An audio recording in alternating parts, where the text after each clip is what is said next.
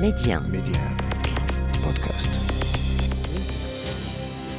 في الرابع من نوفمبر عام 1995 كنت ضيف نشرة الزوال في قناة دوزيم التي كان يقدمها الصديق عبد الصمد بن شريف للتعليق على الأحداث التي تضمنتها النشرة ومنها ما يتعلق بشؤون الشرق الأوسط بصفتي من المتابعين المهتمين بقضايا المنطقة انطلاقا من دراسات الجامعية وما بعدها. في ذلك اليوم لا أذكر كل المواضيع التي تضمنتها النشرة. كان حديث عن الشرق الأوسط والقضية الفلسطينية وعملية السلام التي أخذت مسارا جديدا بعد توقيع اتفاق إعلان المبادئ الفلسطيني الإسرائيلي أوسلو في الثالث عشر من يوليوز. 1994 في حديقة البيت الأبيض. اتفاق أوسلو الذي جاء بعده. اتفاق غزة وأريحة أولا الذي وقع في القاهرة في الخامس من ماي من نفس السنة. ووقع الاتفاق عن الجانب الفلسطيني محمود عباس أبو مازن وعن الجانب الإسرائيلي وزير الخارجية شيمون بيريز كما وقعه بصفتهما شاهدين وزيرا خارجية الدولتين الراعيتين لعملية السلام الروسي أندري كوزيريف والأمريكي وارن كريستوفر. وكان يراقب مراسم التوقيع من وراء المنصة الرئيس الأمريكي بيل كلينتون والزعيم الفلسطيني الراحل ياسر عرفات ورئيس الوزراء الإسرائيلي إسحاق رابين. تابعت هذا المسلسل عن قرب من خلال اتصالاتي بقياديين فلسطينيين عرفتهم منهم فاروق الدومي أبو اللطف رئيس الدائرة السياسية في منظمة التحرير الفلسطينية. ويعتبر اتفاق أوسلو أول اتفاقية سياسية يتم توقيعها بحضور دولي بين منظمة التحرير الفلسطينية الممثل الشرعي والوحيد للشعب الفلسطيني وبين حكومة إسرائيل. وعلى الرغم من المقاومة العنيفة في بعض الأحيان ضد اتفاقيات أوسلو من متطرفين أكملت إسرائيل سحب قواتها من مدينة أريحة وأجزاء من قطاع غزة في ماي 1994 في ظل حكومة حزب العمل بزعامة إسحاق رابين.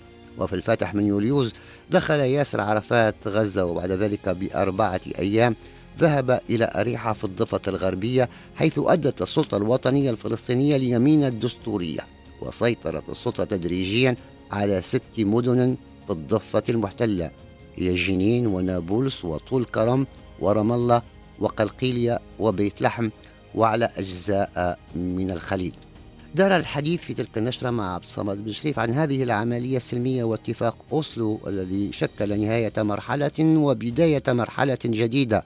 واقترح حلا جزئيا كممر يمهد الطريق للحل الدائم المتمثل بدولتين لشعبين. وقلت عندها ما أخشى أنه في حال عدم تدعيم هذا الزخم الذي أحدثه اتفاق إعلان المبادئ الإسرائيلي الفلسطيني وبسرعة على أرض الواقع لكي تتضح معالم الحل القادم ما أخشاه انهيار العملية. ومن داخل إسرائيل وقد يدفع ثمن ذلك إسحاق رابين انتهت النشرة وغادرت الدار البيضاء إلى الرباط محطتي الأساسية في طريق العودة إلى طنجة.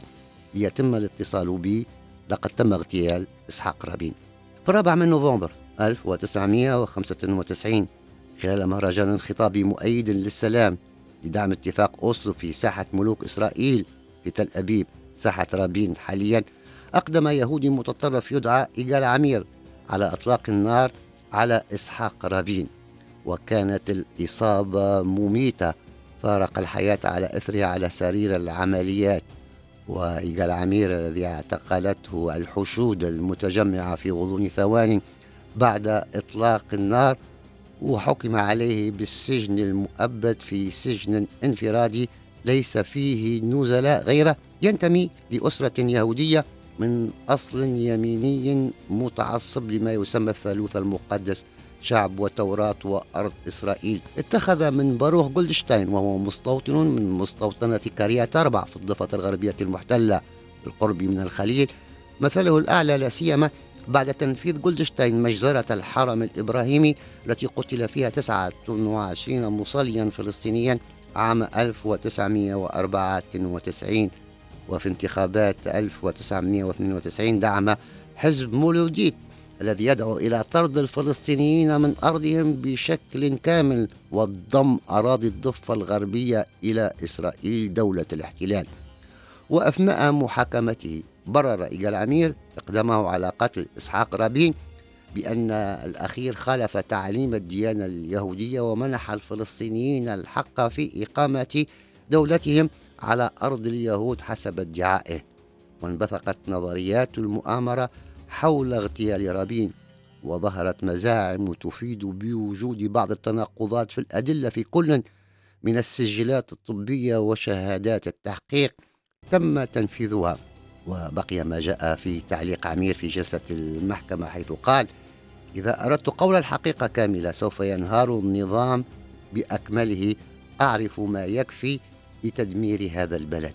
بدوره في اتفاقية أوسلو تم منح إسحاق رابين ووزير خارجيته شيمون بيريز والرئيس الفلسطيني رئيس السلطة ياسر عرفات جائزة نوبل للسلام العام 1994 بمقتل رابين انتابت مشاعر الحزن الشباب الإسرائيليين الذين أطلقوا على أنفسهم لقب جيل رابين وشعار لا تنسى ولا تسامح أبدا وأكدوا على مطالبهم لتحقيق السلام وفي حفل تأبين جدها ألقت حفيدته نوع عثمان كلمة استحوذت على اهتمام عالمي عندها. لكنها اليوم ترى أن الطوق للسلام الذي عبر عنه الشباب الإسرائيلي قبل ربع قرن هزم أمام المشككين بتحقيقه. لكن غياب الزخم السياسي تجاه محادثات السلام مع الفلسطينيين لا يقتل القضية وللحديث بقية. في لقاء قادم.